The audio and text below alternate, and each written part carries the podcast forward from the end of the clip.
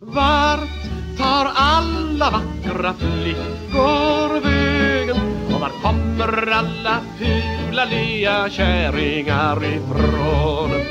Äntligen är vi här, Ann. Vad vi kämpat för idag. Vad vi kämpar. Om ni visste hur mycket vi kämpar för att lyckas med detta.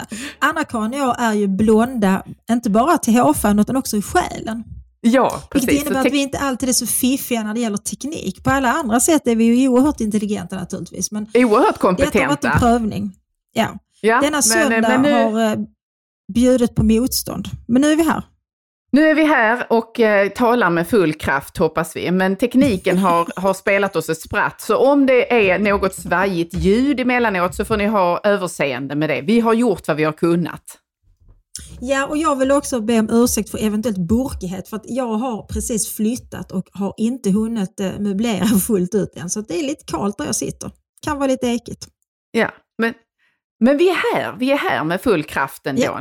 Och vi, vi har tänkt att vi skulle börja idag med att eh, adressera en fråga som en, en lyssnare har eh, Mm. skrivit till oss om och det handlar om vår med omsorg valda signaturmelodi, var den kommer ifrån, vad det är för någonting. För att Mm. ni hör ju bara en liten, liten snutt, alla ni som lyssnar, och blir ju naturligtvis nyfikna. Vad är detta för någon rolig sång? Eh, och det är ju allas vår Karl Gerhard, satirikern, satirikern från, eh, som var verksam, jag säger från 30-talet och fram igenom en bra bit in nästan på 60-talet skulle jag säga. Nu kanske jag tar i lite här, men han var ju i alla fall väldigt verksam under kriget, eh, under andra världskriget Mm, och skrev då många satiriska verser som han utmanade makten eh, och Hitler med, inte minst.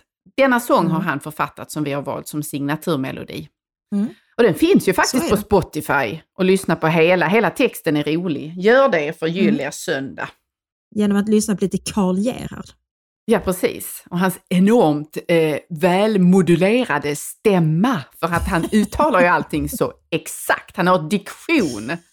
Det får man säga. Det hör man inte ofta nu Ja. för tiden. Den sortens exakthet. Nej, Nej, det Magnus. Uggla har ju faktiskt, eh, nej men Magnus Uggla har ju lite av det Karl Gerhard hade skulle jag vilja Mm. säga. Men hans mamma var ju också talpedagog och sångpedagog varför också Mhm. Magnus Uggla kan uttala sina eh, elakheter med mycket hög grad av tydlighet. Ingen missar hans elakhet. Vi- vi- Så kan man väl säga. Nej, precis. Nej, precis. Med Morse är det lite si och så, för vi har ju dialekt båda två, så där, där sväljer man Ja. en och annan stavelse ibland. Ja, så är det. Men, men visst, vi, vi går väl vidare på irritationerna, eh, Ann? Ja. Irritation. Fire away. Ja, jo så här. Jag, jag har många irritationer den här söndagen, men jag väljer nu en av de tre som jag hade skrivit upp faktiskt. Och denna irritation, det handlar om människor som hör av sig för att berätta att de inte bryr sig. Är inte det konstigt? Oj. Jo, Så här är det. men ge, ge ett Eh, exempel. vi- Alltså, Jo, eh, Anna-Karin och Ann, det vill säga söndagsskolan, vi är inte bara bra på att prata, utan vi skriver också tillsammans. Och eh, i, denna, i veckan som nyss passerat så hade vi en text eh, på Expressens kultursida som problematiserade mansrollen kan man väl säga. För vi är lite, lite missnöjda med eh, en del män kan vi väl säga. Det har vi ju luftat Mm. här i söndagsskolan tidigare också. Så den här texten var väl en liten utveckling från det samtalet. Och då så, en, en man, han skriver inte ett utan två meddelande under den här texten på min Facebook för att skriva Ännu två kvinnor som har synpunkter på männen. Jag kunde inte bry mig mindre, skriver han först. Och sen så nästa meddelande. Vem är det egentligen ni menar? Va, va, va, va? Och då tänker jag så, ja men alltså, han bryr sig ändå uppenbarligen tillräckligt mycket för att ett, läsa texten och två, skriva inte ett utan två meddelanden för att berätta att han inte bryr sig. Är inte det udda? ja. Jo, det är väldigt intressant samtidigt. Det är väl det här, det är ju sociala mediers Alltså sociala medier har ju många dåliga sidor, många nackdelar. Detta är en av dem tror jag. Att människor som annars bara hade gått och grämt sig hemma vid, de känner sig, ser sig kallade att genast liksom pissa lite revir och markera och peka finger. Eh, och det är ju, jag tycker att menar, grundkonceptet i sociala medier är ju att det finns markeringen på tummen eller hjärtat. Om man ger den Mm. så är det samma som att säga du har en poäng eller vad roligt att du har gjort det här eller jag ser dig Ja. bara. Eh, och om man inte sätter upp tummen, ja precis, men om man inte sätter upp tummen eller ger hjärtat, då betyder ju det i sig då att ja, jag, jag känner inte att detta berörde mig eller det här kanske till och med jag tyckte, nej vet du vad, det håller jag inte med om. Det räcker där, man behöver inte därutöver skriva, bara så du vet, jag håller inte med. Nej, eller jag, så, jag tänker och inte detta- bry mig. jag har faktiskt gjort mig skyldig till detta själv någon gång när jag var yngre, måste jag säga. Nämligen att ringa någon bara för att berätta. Förra jag kommer året, aldrig när du ringa var- dig. Eller skicka ett sms till någon eh, som man känner sig sviken och försmådd av att jag kommer aldrig mer att höra av mig. För jag menar, om det nu är så att jag aldrig mer hör av mig så kommer den här personen att märka det. Eller så kommer personen i fråga inte att märka det och det är väl det som då grämer mig. Så därför måste jag i förväg berätta att jag kommer aldrig mer att höra av mig. Eh, och på samma Ja, sätt är precis. det då Och med sen, de här eh, människorna som för oss är helt okända som ändå måste berätta för oss att jag bryr mig inte om vad ni tycker. Men jag säger så, okej, Nej, alla det- de miljarders människor som inte har skickat tummen upp på vår artikel i Expressen. Jag bryr mig inte, säger jag då. Där fick ni. Men, men, är det, ja, men är det inte så att det här när man skriver, bara så du vet, jag bryr mig inte, eller vem är det ni pratar om? Ehm, det har lite samma funktion som när man sätter in en annons i, det finns en tragik i detta menar jag. För man, det finns ju det här, man Mm. sätter in en annons i tidningen och undanber sig uppvaktning i samband med sin födelsedag.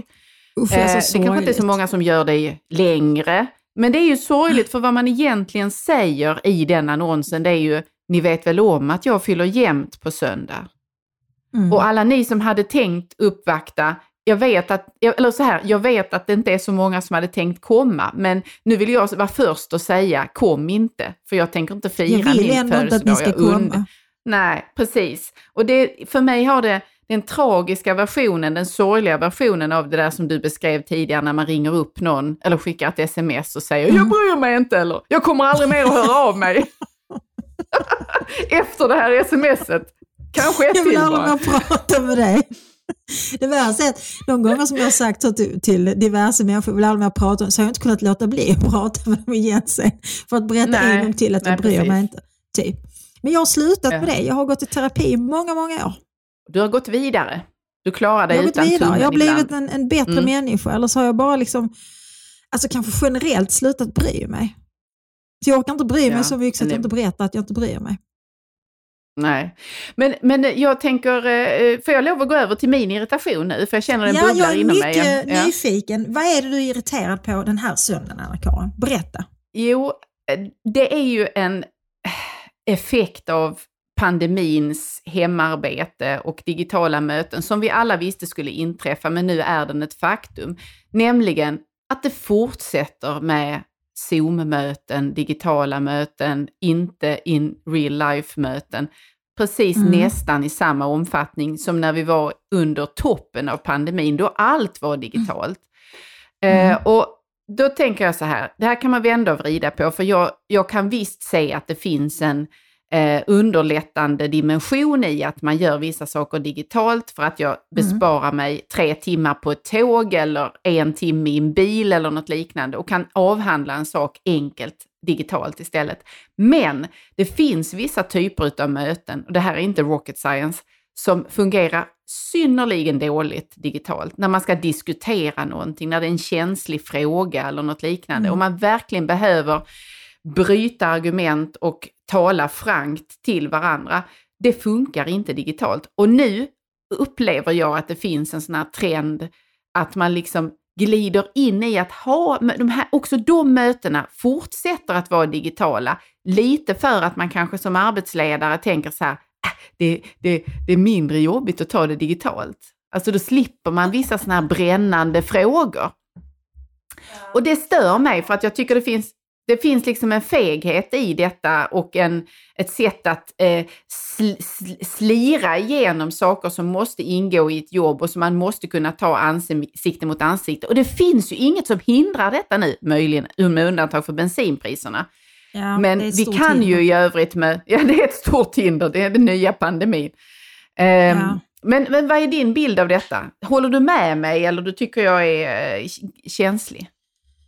Nej, jag, jag, jag håller med dig. Eh, alltså jag, jag, kan se fördelar med att ha eh, en del möten digitalt. För I mitt, mitt jobb så är det så att vi är placerade, jag jobbar både i Kristianstad och i Malmö och nu bor jag i Simrishamn, så jag bor liksom mitt emellan kan man säga.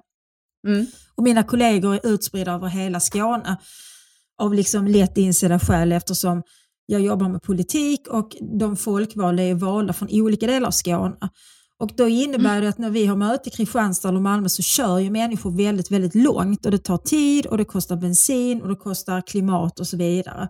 Så mm, det finns en mm. poäng, vi har liksom institutionaliserat att regionledningen då som är det fasta mötet varje vecka där, där liksom eh, regionpolitikerna träffas för att dryfta diverse saker. Det kör vi digitalt varannan vecka och på plats mm. varannan. Mm. Och mina mm. kanslimöten kör jag digitalt varannan och på plats varannan. Och det tycker jag är en ganska bra modell. Därför att jag, när jag tar mig till och från eh, jobb, då, oavsett om jag ska till Malmö eller Kristianstad, så tar det en och en halv timme, så det är tre timmars pendling. Och så är det för ja. väldigt många. Mm. Och när jag sitter då på tåget eller bussen så kan jag svara på mail, jag kan ta telefonsamtal och så. Men jag håller med dig om att det finns en del möten som inte går, alltså det, det blir inte samma kvalitet när man har det digitalt. Och det kan mycket väl mm. vara som du säger att det är också Alltså det handlar lite om att ducka vissa saker. För ja, precis. Det är det som irriterar mig. Ja. Nej. Och, och det är så precis det är den delen jag, jag som irriterar mig. Ja. Ja, men eh, så jag, jag, tycker att man ska faktiskt, för det har jag börjat göra nu, att när jag, jag accepterar vissa saker fortsättningsvis också digitalt, av just det skälet du säger, jag är också en pendlare. Eh, men där jag efterfrågar att varför kan vi inte träffas på riktigt när det är lite mer brännande agendor så att säga som, som, som vi ska avhandla. Eh, för, och det tycker jag fler ska göra. Begär att ni faktiskt ska få träffas så att inte er chef duckar eh, känsliga saker. En aspekt till på det här med digitala möten är att jag ser att att eftersom vi har haft digitala möten under så många år så förväntar sig människor att det finns en möjlighet till digitalt deltagande vid alla möten. Och den sämsta sortens mm. möten måste jag säga det är de så kallade hybridmöten där kanske två tredjedelar är med fysiskt och en tredjedel digitalt. Det blir väldigt dåligt. Mm. Mm. Mm. Ja, så det, och det är fruktansvärt oss att... att faktiskt ses då och då. Ja, det tycker jag vi gör. Eh, det har sina förtjänster och jag hoppas att du, du och jag ses ju inte så ofta. Vi gör ju detta digitalt. Så att på sätt och vis är vi ju, hela Sverige bör ju vara tacksamma för den möjligheten. För vore det inte för de digitala mötena så ingen söndagsskola. Nej, när vi nu fick tekniken att fungera. Äntligen. Har blivit en madam med skunk bak och fram.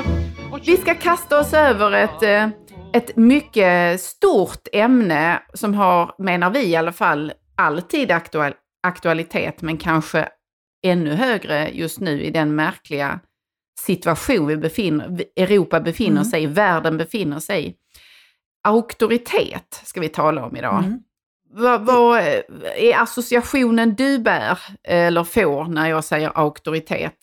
Ja, alltså auktoritet är ju, det är ju dels liksom, man kan säga att det kommer ur ordet auktoret, alltså betyder bemyndigade eller fullmakt och sånt, men det är ju också en, en egenskap. Alltså det är någonting mm. som någon äger. Om man äger mm. auktoritet så är man en individ som har förmåga att få andra att lyssna och som har förmåga att få andra att handla. Det vill säga auktoritet är ju förknippat med makt. Och mm. tror jag också med en, en viss specifik form av makt. Alltså, min, upplevelse är nog att begreppet auktoritär har haft en ganska negativ klang i uh, den svenska kontexten. Håller du med om det? Absolut, men för mig är de inte ett och samma, utan att, att uppbära auktoritet eller att ha erövrat mm. och fått auktoritet, det gör du ju också förhoppningsvis för att du besitter en Eh, ett kunnande, ett kunskapsområde eller för mm. att du har tilldelats en viss position eller vunnit en viss position. Medan auktoritär, det är, det är ett förhållningssätt, det är ett sätt att utöva den här auktoriteten. Mm. Och auktoritär har med all rätt negativa konnotationer medan, medan auktoritet inte bör per automatik ha det.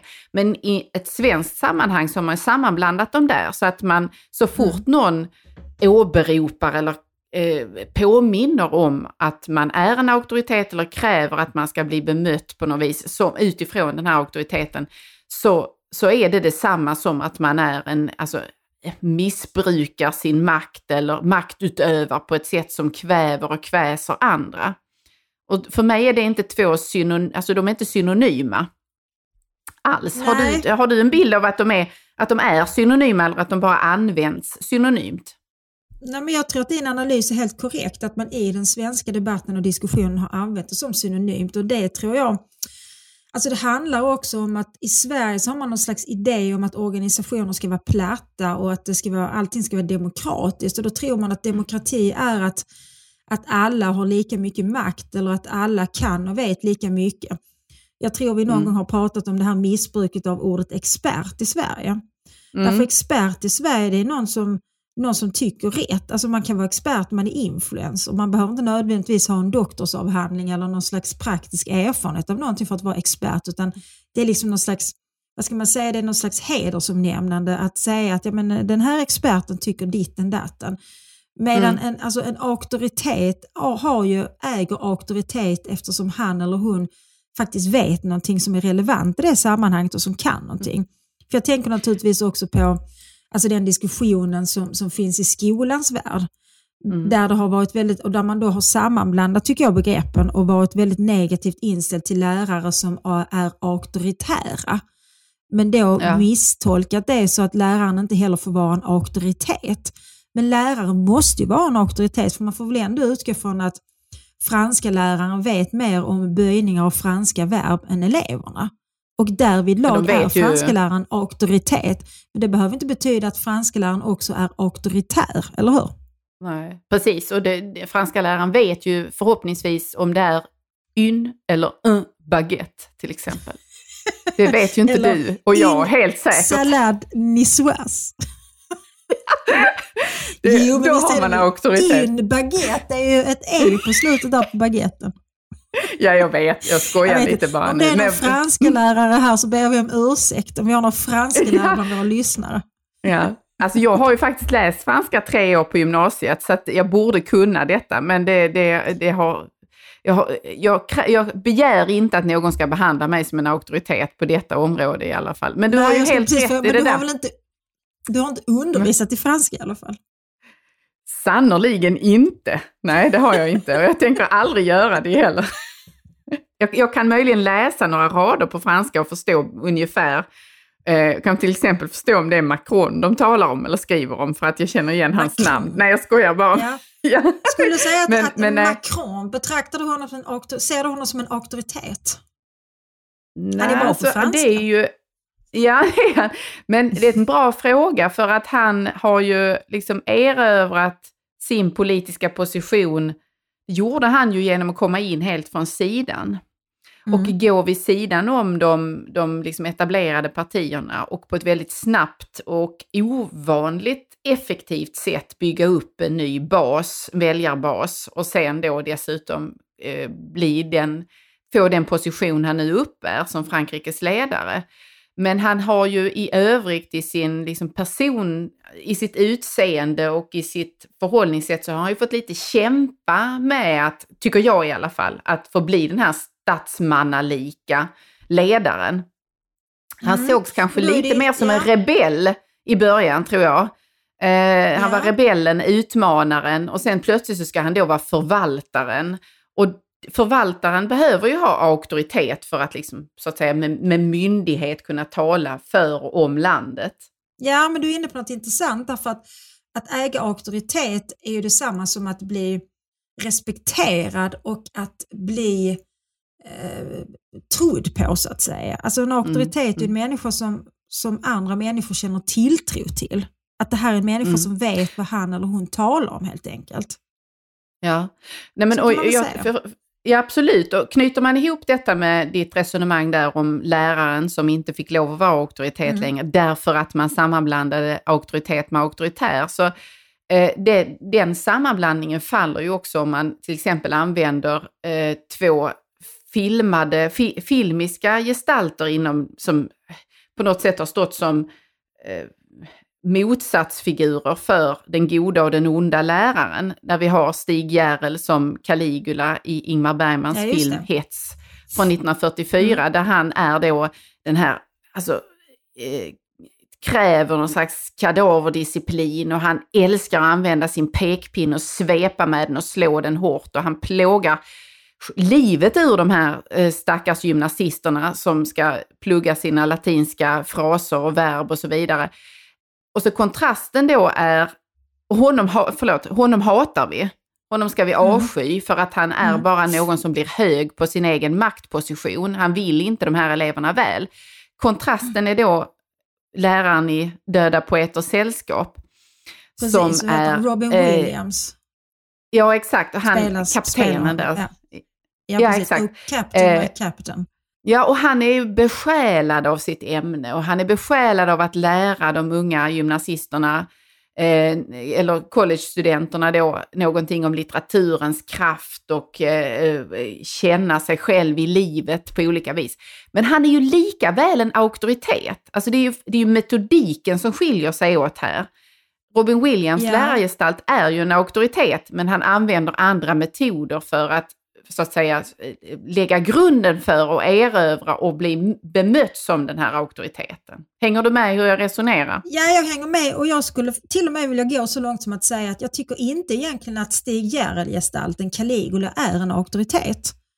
Eh, Nej, nej. Däremot så tycker jag att, att, eh, Han är att eh, auktoritär. Williams lärare, han är en auktoritet därför att honom, hans elever lyssnar på honom och respekterar honom och till och med dyrkar honom. eh, Mm. För att han är den som han är och äger de kunskaperna som, som de eftersträvar. Han har någonting som de vill ha och som han kan ge dem, nämligen insikter i det sköna i livet, eh, latinets mysterier och så vidare. Medan Caligula använder våld och hot Mm. för Mm. att få eleverna att lyda.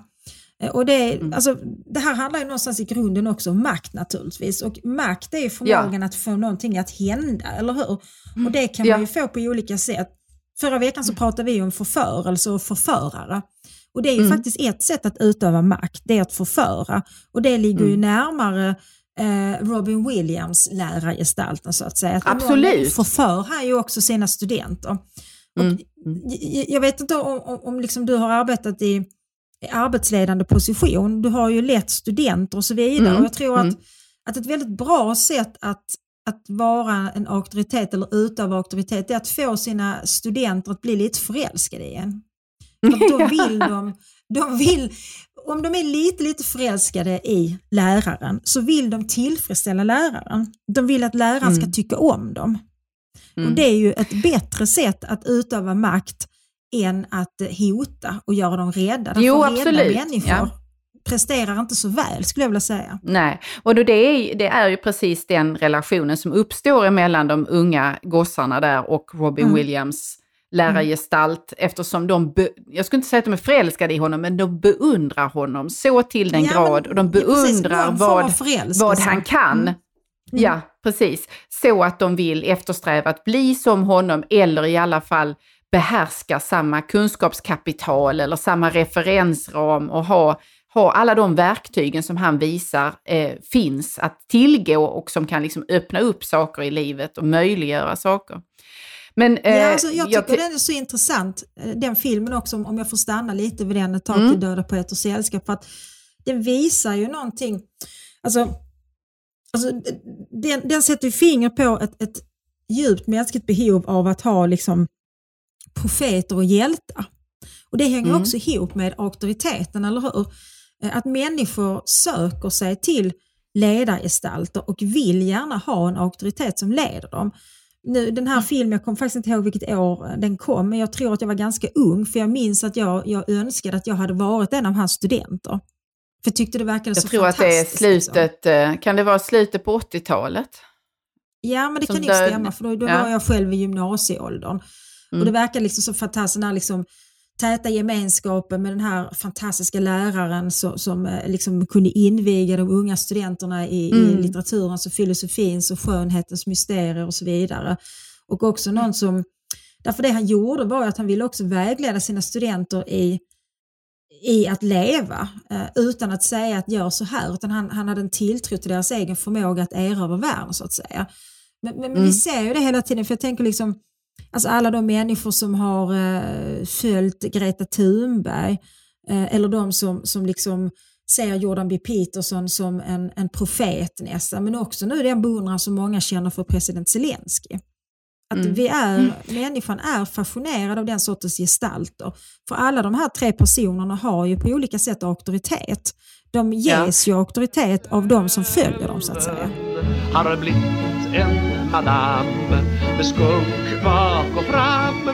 Hela tiden så finns ju som Eh, en, en faktor i den goda auktoriteten, menar jag i alla fall, nämligen att man också eh, uppmanar eller att det finns en, en del som handlar om frigörelse eller att så att säga frigöra mm. den som man utövar sin auktoritet mot om man då håller fast vid den här bilden på läraren och eleverna, den goda mm. läraren då. Mm.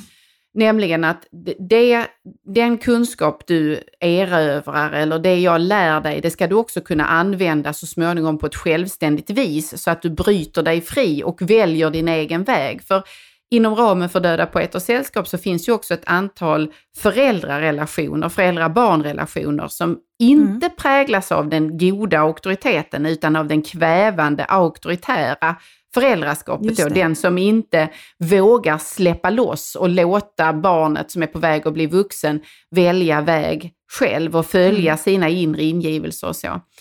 Så det tycker jag är en sån intressant spänning mellan de här typerna av auktoriteter och när det slår över i det auktoritära, nämligen när man, när man håller någon fast och när man kräver att få utöva sin makt i relation till den här underordnade. Och det ser vi om man flyttar blicken då mellan det lilla klassrummet eller den lilla familjen och tittar ut i storpolitiken så finns ju det också i, i relationen mellan ledare och befolkningen och ledare och, och väljare mm. så att säga. Där vi har Zelensky som då får liksom bli den goda ledaren här som talar om värden som frihet och demokrati och så vidare. Eh, och individualism för den delen också, rätten att få välja mm. själv. Och sen den, den, liksom hans absoluta motsats här som blir Putin, som kväver sin befolkning. Han får inte ens lov att liksom ta reda på nyheter själv, utan han ska behärska hela deras världsbild. Och det finns ju paralleller mellan de här tycker jag. Absolut. Samtidigt så finns det ju också märkligt nog de människor som uppskattar den auktoritära stil eller den ledarstil som, som till exempel Putin har. Jag tänker på ett exempel från eh, den svenska kontexten som har några år på nacken där det var ett antal influencers som skrev ett öppet brev eh, till eh, Stefan Löfven som publicerades på, jag tror det var Expressens debattsida, kan ha varit Aftonbladet, mm. där de bad Stefan Löfven att mer eller mindre bli en diktator för, ja, för att rädda miljön. Ja. Eh, de ville att Stefan Löfven skulle begränsa deras resor. De ville ja. att Stefan Löfven, som då var vår statsminister, skulle säga att max en flygresa vartannat år och bara ja. kött en gång i månaden. Alltså de ville att någon, så, skulle bli totalitär. En, en jätteförälder skulle gå mm. in och sätta gränser. Mm. Så jag tror att det finns också en längtan hos människor efter någon som sätter gränser och det kan man göra. Som förälder måste man sätta gränser, men man måste ju samtidigt sätta gränser som, som så att säga leder till att barnet växer till en individ som så småningom kan sätta sina gränser själv. Det är ju det som är poängen. Ja. Men de här vuxna influencers, de, de ville verkligen att, att att Stefan Löfven skulle införa någon slags totalitär stat för att rädda klimatet. Jag tyckte det var mycket, mycket häpnadsväckande. Minns du detta ja. öppna brev? Jo, jo, jag minns det och jag funderar på om det, är, om det var sprunget ur längtan efter en stark ledare av det mer auktoritära slaget eller mm. om det var sprunget ur en, vilket jag snarare tror, sprunget ur en övertygelse om att det vi ser måste ske är det rätta. Och vi är så övertygade om att det är det rätta så att vi tänker nu begära att en politiker går in och begränsar andra människor som inte förstår det vi förstår. Deras handlingsutrymme, deras livsrum och deras valmöjligheter. Mm. Så att, och, och då tänker jag att man kan kontrastera det mot äh, människor som säger sig vara lojala med Putin eller någon annan äh, totalitär äh, ledare. att man också kanske fortsätter att vara lojal av skräck. eller av rädsla, därför Mm. man tänker att om jag Mm. inte uttrycker det här när någon frågar att jag är han är, han är den som ska leda oss rätt och han, eh, Putin säger sanningen och så vidare, så kan någon komma och knacka på min dörr när mörkret har infallit och så plötsligt så är vi inte fyra i den här familjen längre utan bara två eller tre. Och den rädslan Ja, kan ju då göra att man så att säga ser ut att tillbe och tro på ledaren Mm. fast man är egentligen bara rädd, tänker jag. Och den rädslan kan jag ju och- förstå. Ja, och då tänker jag att då är det inte en, en ledare egentligen som äger auktoritet. Därför, alltså den som har auktoritet är ju alltså, snarare någon som liksom får människor att, att åtlyda eller lyssna av egen vilja. Inte Mm. av rädsla, utan av vilja att tillfredsställa den här ledaren eller utifrån en genuin övertygelse att han eller hon vet faktiskt vad som är rätt Mm, mm. han eller hon vet vad som är bäst för mig och för samhället. Jag menar, om, om jag åker till en, en bilmekaniker så är ju bilmekanikern i det sammanhanget en auktoritet för jag vet absolut ingenting om bilar och motorer.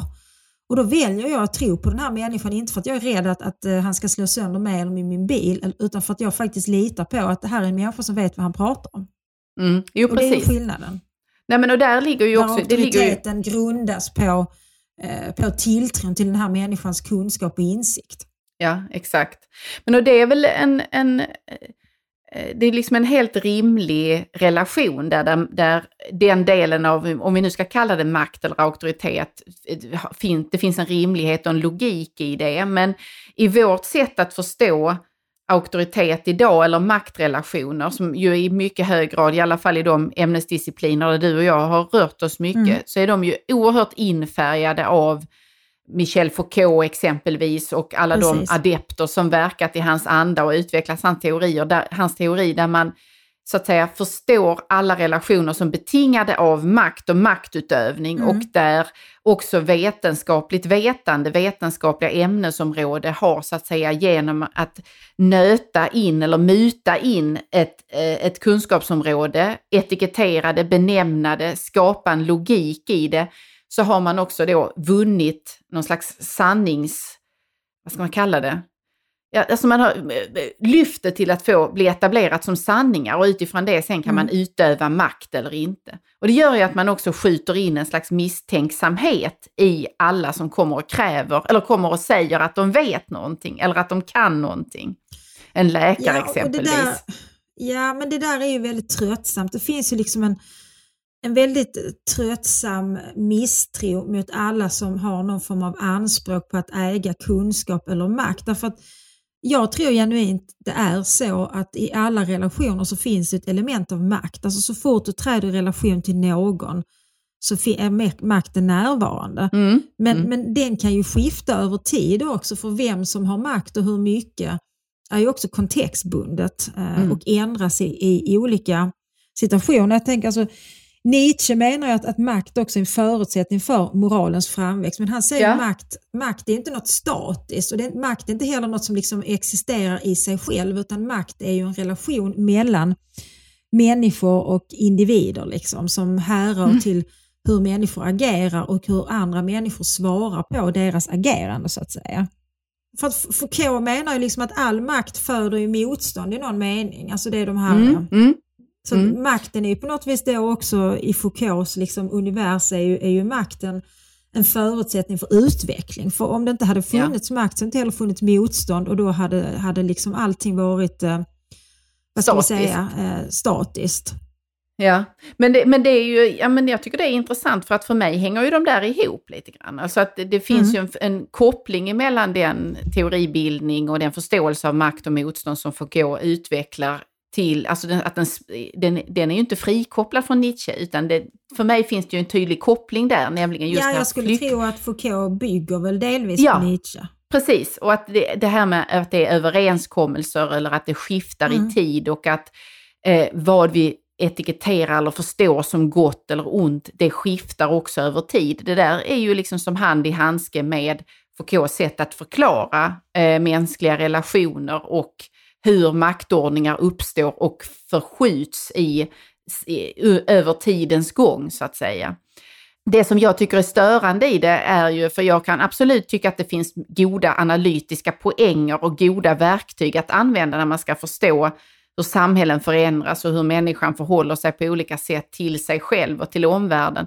Det är ju, det, det är inte det, utan mitt problem är mer att han alltid, Foucault, alltså misstänkliggör eh, människans avsikter. Och, och, det köper jag inte så att säga, utan det tycker jag, det blir, blir liksom, man berövar människan ändå en viktig beståndsdel. Nog för att, det har vi pratat om mycket i den här podden, att människan har både kapacitet och potentialitet till godhet och till ondska. Båda de här delarna finns, men det är inte bara ondska. Det är inte bara maktutövande. Nej, alltså det, utan det, det är ju liksom en Jo men alltså det är, det är, det är en banal förståelse av makt att, att tänka sig att, att, att förknippa makt med någonting som är negativt eller förtryckande. Alltså den mm. som äger makt, den som äger auktoritet har ett ansvar för hur han eller hon använder sin makt och sin auktoritet. Det är ju, alltså makten i sig eller auktoriteten i sig är ju varken ond eller god utan det handlar om hur man hur man utövar den, hur man använder den makt mm. man har. Jag tänker på Hanna Arendt som också har skrivit mycket om makt på olika sätt. Hon, hon, hon menar att där inte makten finns regerar våldet. Och jag tror mm. hon har väldigt mm. rätt i det, därför att mm. finns det inte en, en, en god makt så att säga, eller en makt som upprätthåller någon form av ordning, mm. så utbryter våldet och då är det våldet som tar över. Mm. Så man ska inte mm. kasta ut liksom hela maktbegreppet. Det tycker jag, alltså, jag håller med om att, att, att Foucaults analys blir, eh, det får märkliga konsekvenser. För jag, man kan inte heller tänka sig en tillvaro utan makt, utan att mm. någon faktiskt äger makten. Eh, jag tror det är helt nödvändigt. Mm. Men det tycker jag är, en, är om man eh, hoppar till en, en svensk historiker som har hållit på och rört sig ungefär i samma härad i att skildra människan i olika tider. Så Eva Österberg eh, mm. har ju varit inne och tangerat den här frågan om hur, hur man har hävdat makt eller hur man har krävt eh, att få utöva sin auktoritet på ett ganska auktoritärt vis också med hjälp av våld och så vidare och hur man har tvingat sin vilja igenom med olika typer av resurser i olika tider och så vidare. Och det där är ju naturligtvis sant, men risken finns ju, det tycker jag Österberg är bra på att nyansera, att, att man inte ska falla i att tänka att människan i det förflutna, i det förgångna, är bara den här brutala ondskan, den råa ondskan, den vulgära ondskan på något sätt som, som tar varje chans att, att uh, utöva våld på de mest utstuderade vis då. För att i det, det, det förflutna finns ju också samma typ av känsloregister, samma förmåga till kärlek eller längtan eller omsorg som vi har idag. De kapaciteterna har ju också funnits i det förflutna. Och det tycker jag, alltså jag vill liksom berömma Österberg i det, för att jag tycker hon har förmått att skildra båda de här delarna i människan och i de förändringar som vi har genomgått genom att det som omger oss förändras. Mm. Men vi är samma kärna så att säga. Ja, och det tänker jag att, att det krig som vi ser nu på ganska nära håll, det visar ju också det att, att människan är densamma i någon mening. För att den liksom brutalitet och grymhet som vi ser där, det är ju, det är ju samma som vi har sett i, i mänsklighetshistoria. Det är ju tyvärr ingenting som vi har lämnat bakom oss. Precis på samma Nej. sätt som att historiskt har ju människan också känt omsorg, kärlek och så vidare. Så, så att människan har ju inte förändrats på något sätt egentligen. Fastän vi kanske Nej, tror för, det ibland lite illusoriskt. Nej, precis.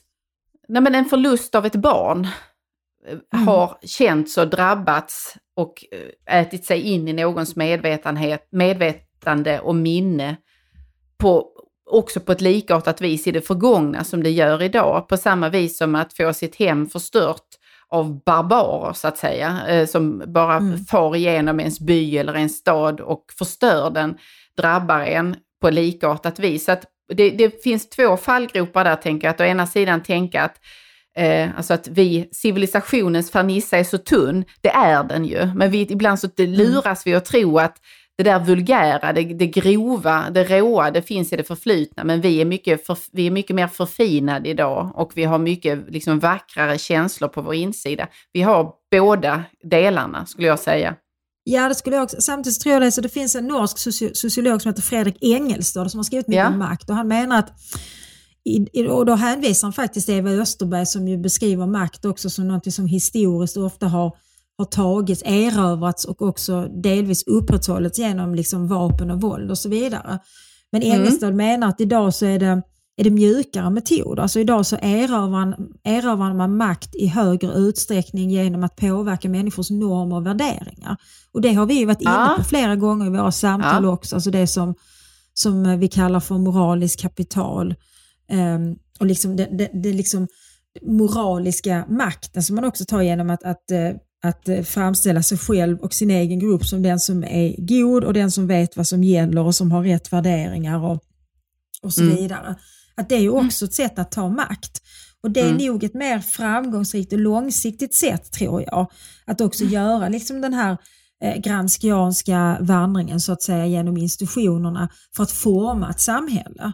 Ja. Därför om makt är att få människor att göra som man vill eh, så tror jag att, att det är mer framgångsrikt att få människor att tro att de vill göra det här än att tvinga dem med vapen.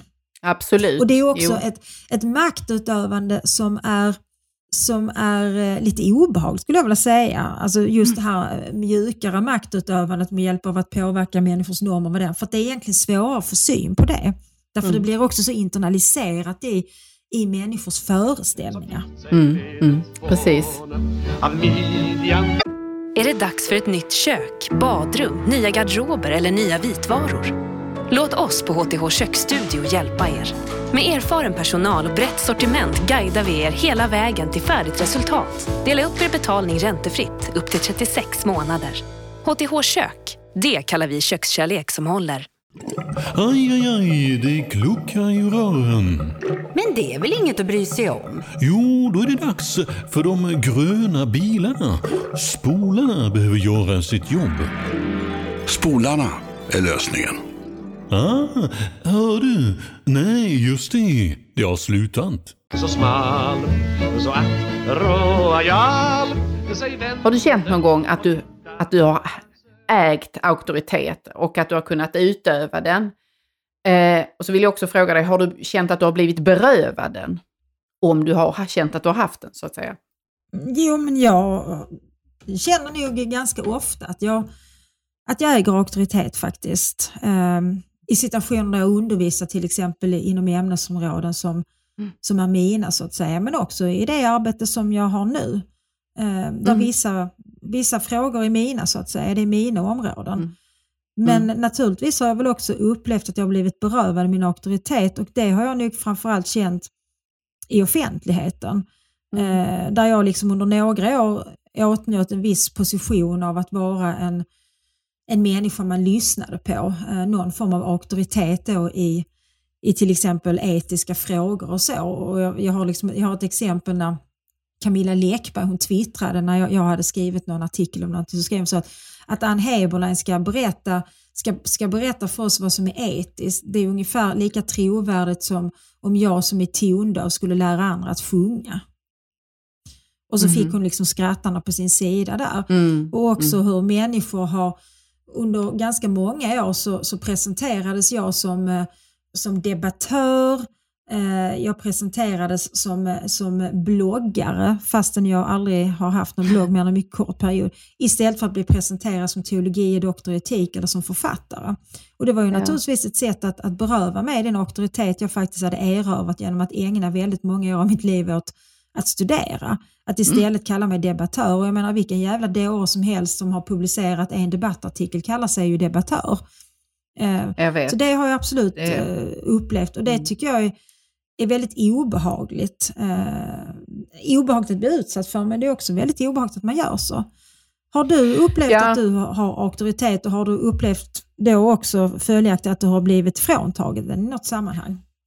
Ja, jag får nog säga ja på, på båda frågorna där också för att jag kan, alltså det är inte så att jag tycker att jag har eh, gått runt och eh, upplevt att det här, det här kan jag verkligen eller det här behärskar jag verkligen. Men att i korta stunder i mitt yrkesutövande eller när jag så att säga sansar mig och håller tillbaka självkritik, för det har vi ju alla någon sån inre självkritisk röst som mal och mal. eh, så har jag nu kunnat se och tänka ändå att det här finns områden som jag kan mycket om.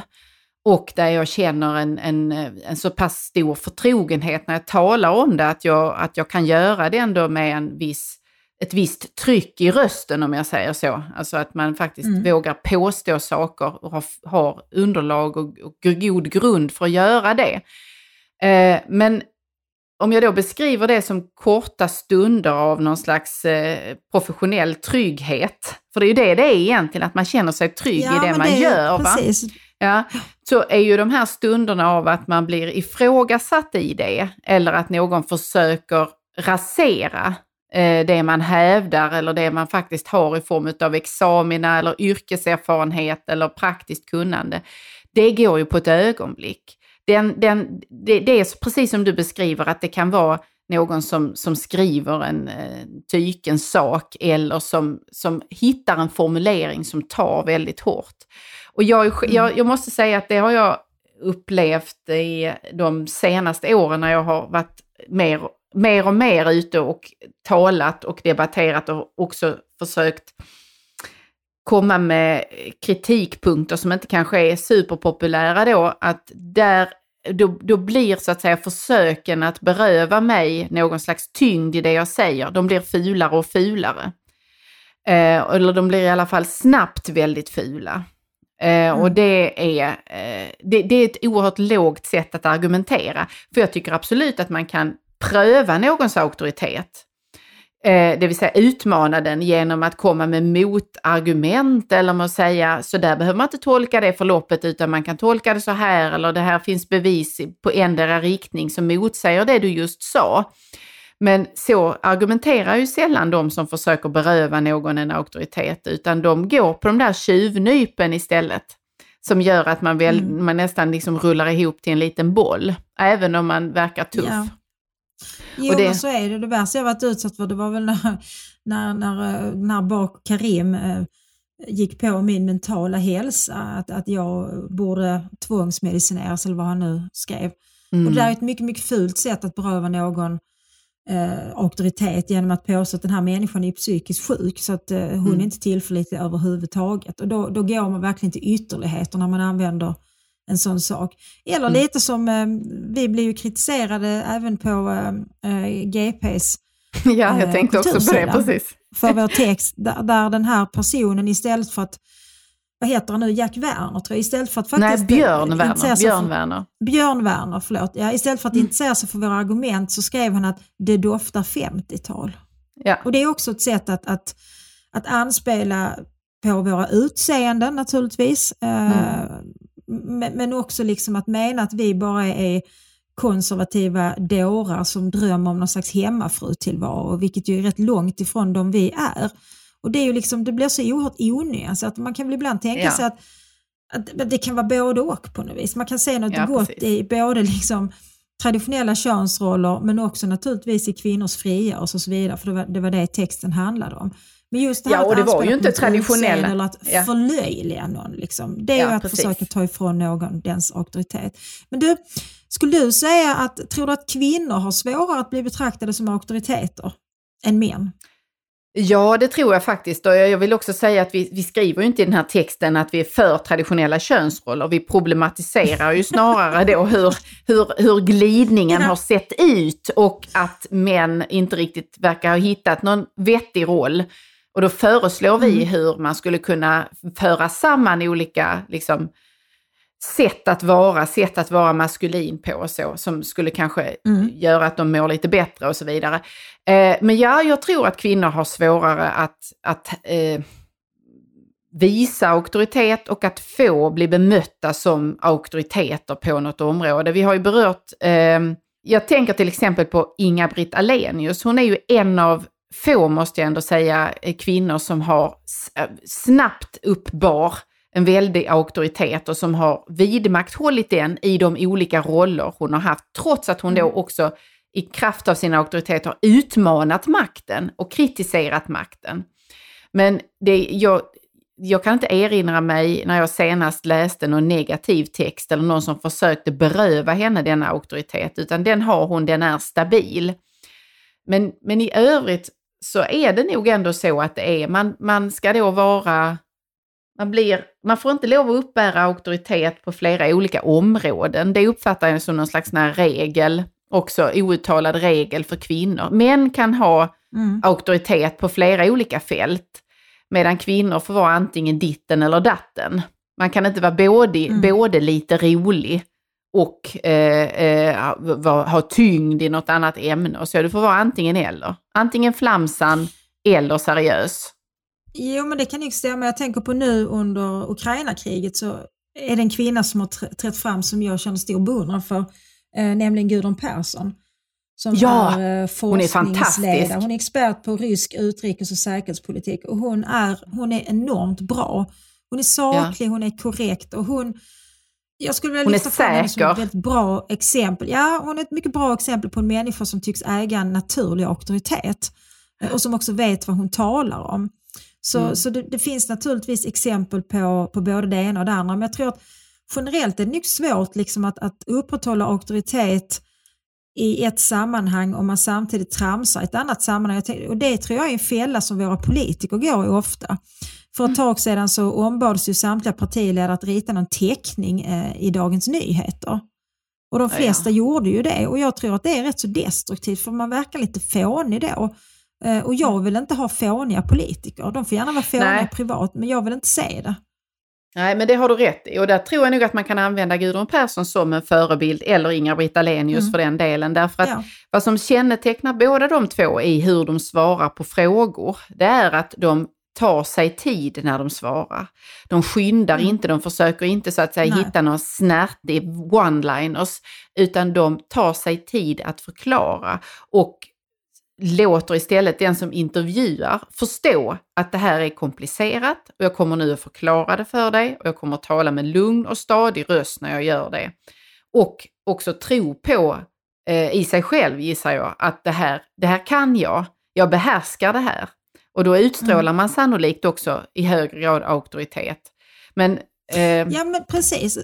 Det handlar väl om att ta både sitt ämne, den som lyssnar och sig själv på allra största allvar tänker jag. mm, mm, ja precis. Har blivit en madam med skunk bak och fram. Om vi hoppar från kvinnligt manligt till föräldra, föräldraskap och barn. Vi tangerade ju det tidigare när vi pratade om eh, eh, Döda poeters sällskap. Men det finns ju någonting där som är, alltså där föräldraauktoriteten är en förutsättning egentligen för, liksom i alla fall begynnelsen i barnets liv och de första möjligen 10-15 åren, 10-12 åren kanske i alla fall. Sen sker ju någonting där, där föräldraauktoriteten rimligen utmanas. Mm. Hör, du ju som har vuxna barn.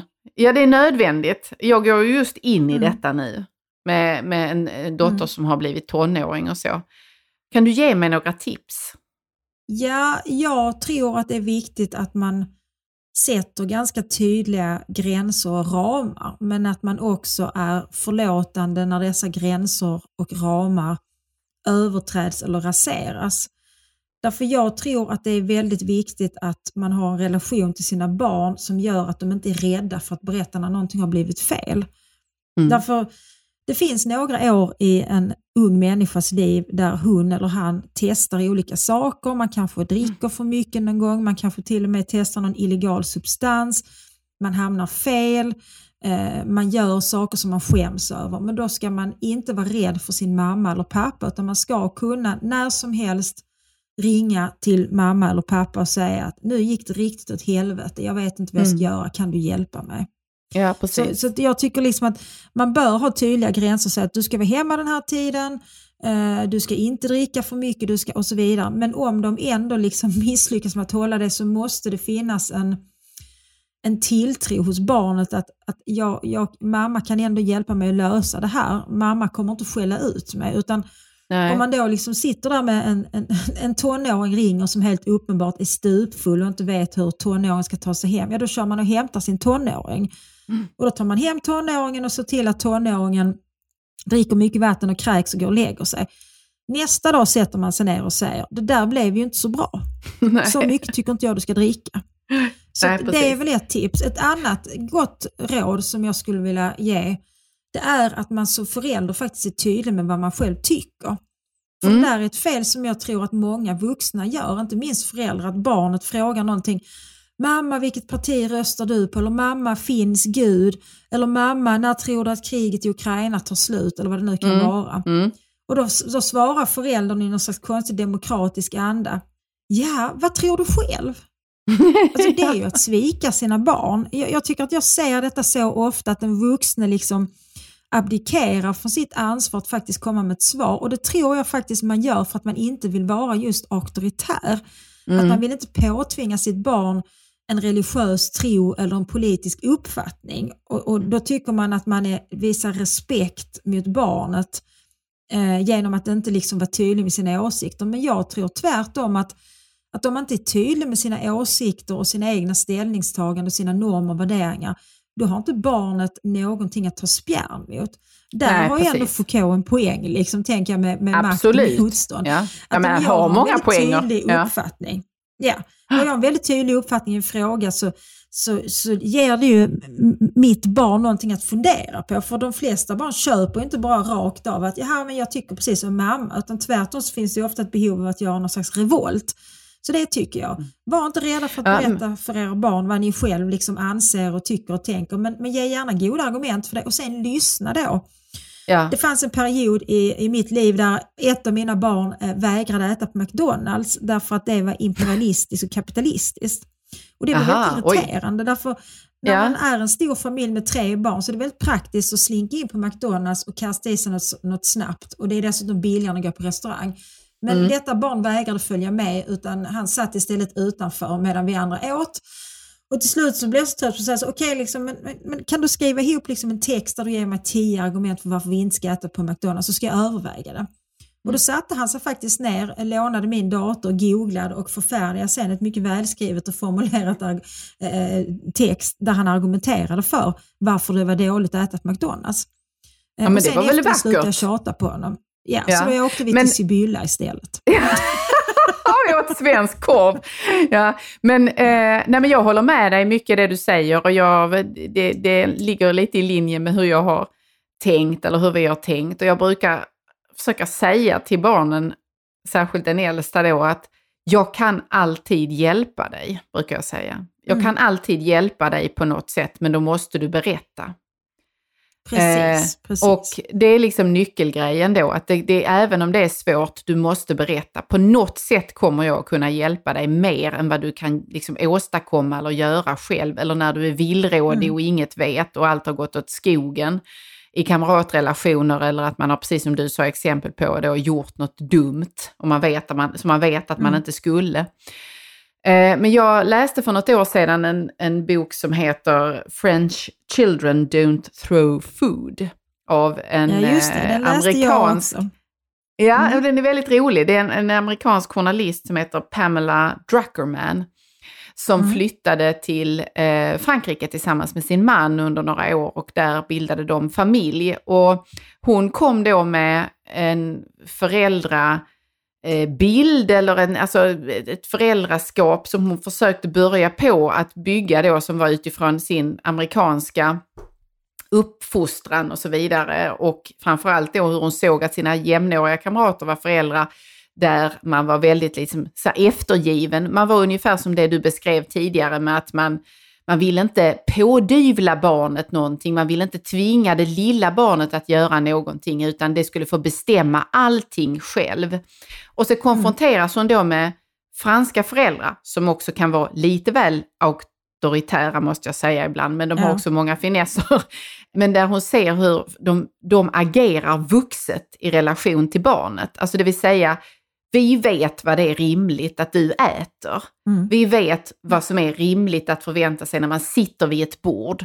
Vi, vi tycker inte att det är rimligt att du pratar lika mycket som de vuxna, utan du får vänta på Mm. din tur. Och detta var som en total, alltså en frontalkrock för, me, mellan Druckermans sätt att tro att hon måste vara förälder och hur de då gjorde sitt föräldraskap. Och där hon Mm. äh, försöker liksom att vrida sig mot det franska och får då en barn-föräldrarelation som fungerar mycket bättre än vad det gjorde tidigare när Mm. det var bara kaos.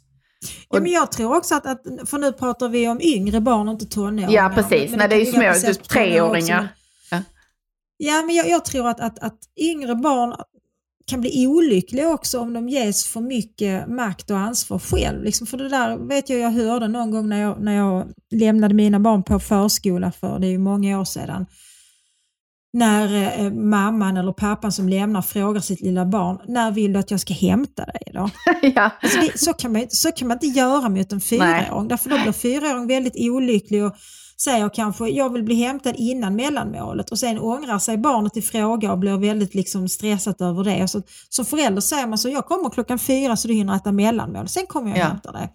Precis. Eller föräldrar som frågar sina barn, de drar runt på sina ungar på ICA, eh, klockan är halv sex och de frågar liksom ett, ett trött utmattat hungrigt barn, vad vill du ha till middag ikväll? Ja. Alltså det kan man inte göra. Man säger ikväll blir det fiskgratäng. Det kommer bli Ja. mycket gott och du ska äta ärtorna också. Jag kommer köpa Findus fiskgratäng för då slipper jag göra något. Jag kan bara sätta den i ugnen. Det behöver man inte säga. Men... men, men Du kan knöla till den lite så att den ser hemgjord ut. precis. Nej, men det där är ju falsk, eh, det, det är en falsk jämlikhet och jämställdhet. Alltså det vill säga man låtsas stå på exakt samma trappsteg som barnet när man egentligen inte alls gör det. För att du vet ju mycket mer, du kan mycket mer, du förstår mycket mer Ja. än vad barnet gör. Och vad rim, det är ju rimliga är ju då att använda dig av detta och bete dig på, på ett sådant vuxet sätt i relation till barnet så att du hjälper ungen istället för att utsätta barnet för, för en, en serie valmöjligheter. Det, det, jag gjorde ju det här tv-programmet Supernanny för eh, många år sedan, inte, eller inte jättemånga, men några år sedan är det trots allt nu. Och det var flera av de föräldrarna som fanns med där hade just det problemet att de, de vågade inte vara föräldrar. Eh, så att de hamnade ju i en massa oändliga diskussioner med barnet där barnet bara var egentligen förvirrat över vad tusan ska jag ha på mig eller jag vet inte, jag vill sitta under bordet och äta. Jaha, vårt barn vill sitta under bordet och äta, ja då är det väl så det är här.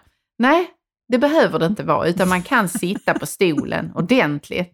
För det blir ju väldigt säga, svårt när jag Det var föräldrar som, som va, va, hade, svårt för att vara auktoriteter i Ja, relation till sina barn. Och då kom jag dit och var Minst det sagt. istället. Ja. Det kom ju Men inte du- du, du kunde kalla det för superauktoriteten istället för supernannyn.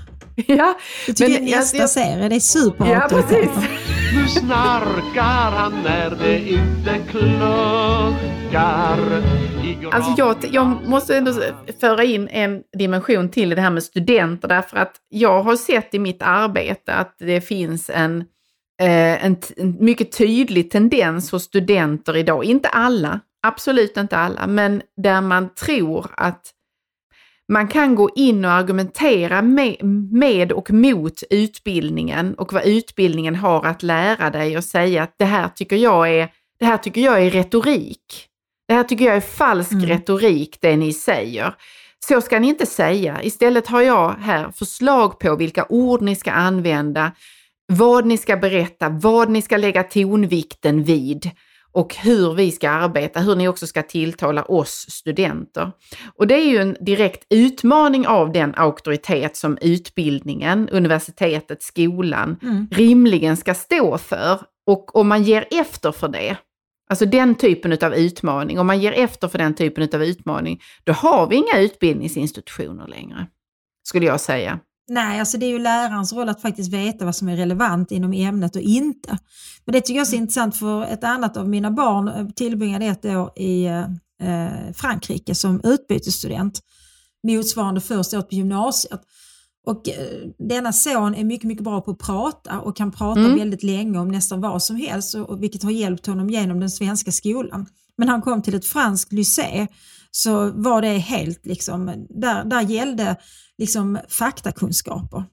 Det var, Mm, det var liksom, mm. Ingen var egentligen intresserad av att höra hur han tolkade någonting eller vad han tänkte och tyckte om saker. De var bara intresserade av att veta, ja men vad skrev Rousseau då? Jag vill ha ett exakt citat, jag vill ha årtal. Och det var något av en chock. Eh, och när, när, när, när han var i Frankrike så bodde eh, en tjej från Sankt Petersburg oss, Arsalana, som då hade gått i skola Mm. i Sankt Petersburg. Mm. Och hon gick då Ja, på men är just det, henne Katedralskolan berättade som är en Mm. mycket bra skola, precis. Men hon var helt liksom så, hon kom hem så sa så, jag vet inte vad jag ska göra i skolan, jag förstår inte vad det går ut på. För det, liksom, det svenska skolsystemet var så otroligt olikt det ryska som nog är ett, ett väldigt auktoritärt skolsystem skulle jag vilja Ja. säga. Och det var Ja. hon ju drillad i. Så hon blev väldigt liksom förvånad, lite illa till mods när lärarna hela tiden frågade henne vad hon tyckte om saker. Ja, vad tror du om det? Vad tycker du om Ja. det? Hon förstod liksom inte vad de förväntade sig av henne. Eh, Så, och Nej, man kan det- tänka sig ett mellanting mellan det, det ryska och det svenska. Jo, precis. Jag, optimalt.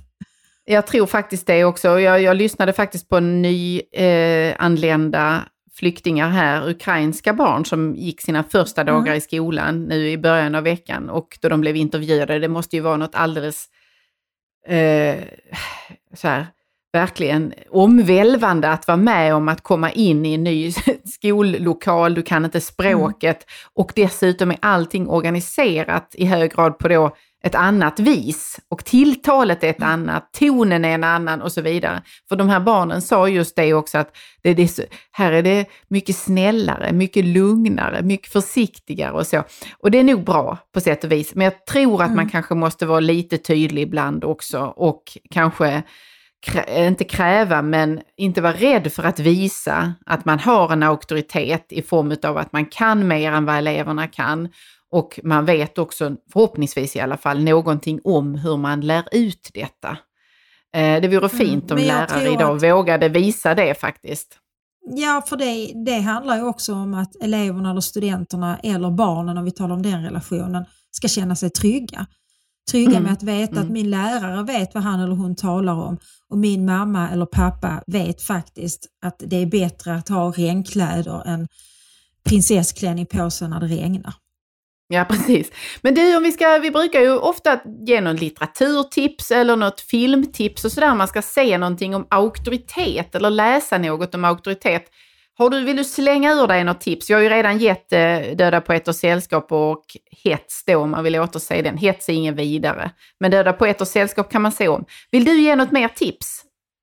Ja, vad skulle det vara? Så jag är lite inne på, på Döda poeters sällskaplinjen och tänker kanske på den hemliga historien med Donna Tartt där det också Ja, finns en, mm. lärare som, som figurerar på, på lite samma sätt. Den är ju Eh, svår väl att liksom släppa en- när man väl har börjat på den. Ja, det är en, en, en fantastisk bok, en ganska så komplex historia där man nog kan se Mm. hur maktförhållande och auktoriteten liksom förändras och eh, skiftar över tid. Ja, precis.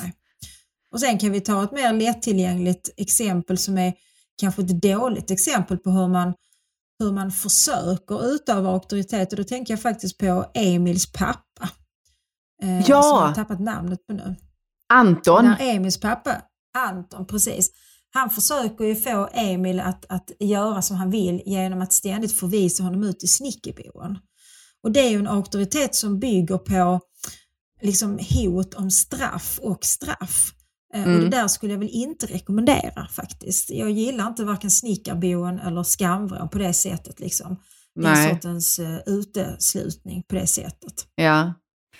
Nej, har du några nu, tips? Ja, men jag tänker ge två tips. Eh, dels filmen, eller trilogin Gudfadern, Mm. som jag tycker är intressant att se utifrån just eh, auktoritet. Vad är auktoritet där? Och den, den handlar ju om det, men handlar också om lojalitet och makt och maktutmaningar på olika sätt, eller där, där så att säga de här familjerelationerna ställs på sin spets på olika sätt. Men eh, det är ju svårt att säga annat än att själva Marlon Brando där, gudfadern, Vito Corleone, han har en enorm auktoritet som han också utövar med en väldig kraft i den här familjen och i dess olika maffiaförgreningar som den har.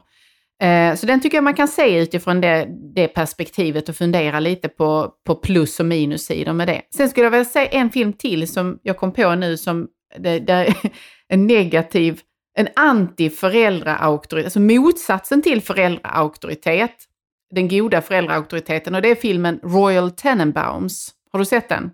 Ja, ja, det har jag gjort. Jag tyckte mycket Ja. om den faktiskt. Ja, den är väldigt rolig. Den är lite absurd, absurdistisk nästan. Eh, man vet inte, är det en tragedi eller är det en fars? Eller är det både Eller- och? Jag skulle Ja, säga att nej, det är både det är och. väldigt svårt att veta. Den är väl tragikomisk kanske man kan Ja, säga, med lite men- surrealistiska övertoner. Där har vi ju en, en pappa som spelas av Gene Hackman som är typ världens sämsta pappa skulle man väl kunna säga. För att han är, ljuger väldigt mycket, han utnyttjar barnen på olika sätt och han drar sig inte för att dra en penna både med den före detta hustrun och med eh, alla de som är i hans omgivning. Men likväl lyckas den här föräldern i all sin uselhet hålla barnen i ett väldigt grepp trots att de är stora sedan länge. Eh, så den, det, man kan säga att det är en parodi på föräldraauktoritet på något sätt och en varning på hur man absolut inte ska förhålla sig som förälder. Men med många Mm. skratt där i. Mm. Ja, det, det den är väldigt tragisk och komisk som sagt. Man, medan man förfäras över, över detta föräldraskap så kan man ändå skratta. Så kan vi väl eh, Ja, sammanfatta det- den filmen. Ja. Eh, ska vi ta och stänga butiken med de tipsen? Jag tror nästan att det är dags faktiskt. Eh, att eh, Ja. fortsätta denna söndag eh, bortom mikrofoner och datorer.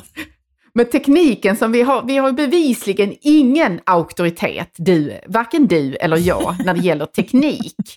Det kan vi slå fast och vi tänker heller inte inte hävda oss. auktoritet. Nej, den lyssnar, den lyder Nej. inte. Den lyder inte. Det lyder vi- inte. Och, och jag, skulle, nej, precis, jag skulle aldrig hävda någon slags auktoritet i dessa frågor utan det, det är ren magi när det funkar. Alltså det är bara trolleri, Ja. jag fattar inte riktigt hur. Men, men nu tror jag att ljudvågorna som kommer från eh, min lilla by eh, på Österlen har liksom någonstans sammanstrålat med dina ljudvågor från Göteborgstrakten och på något mystiskt sätt lagrats någonstans. Så att andra kan Ja. höra det. Så vi stänger butiken och säger ha en skön söndag så hörs vi om en vecka igen. Håll stilen. Ha det fint. Hej då. Hej. Hej då! Vart tar alla vackra former vägen? Och var kommer alla hakorna på makorna ifrån? Är det dags för ett nytt kök, badrum, nya garderober eller nya vitvaror? Låt oss på HTH Köksstudio hjälpa er. Med erfaren personal och brett sortiment guidar vi er hela vägen till färdigt resultat. Dela upp er betalning räntefritt upp till 36 månader. HTH Kök, det kallar vi kökskärlek som håller.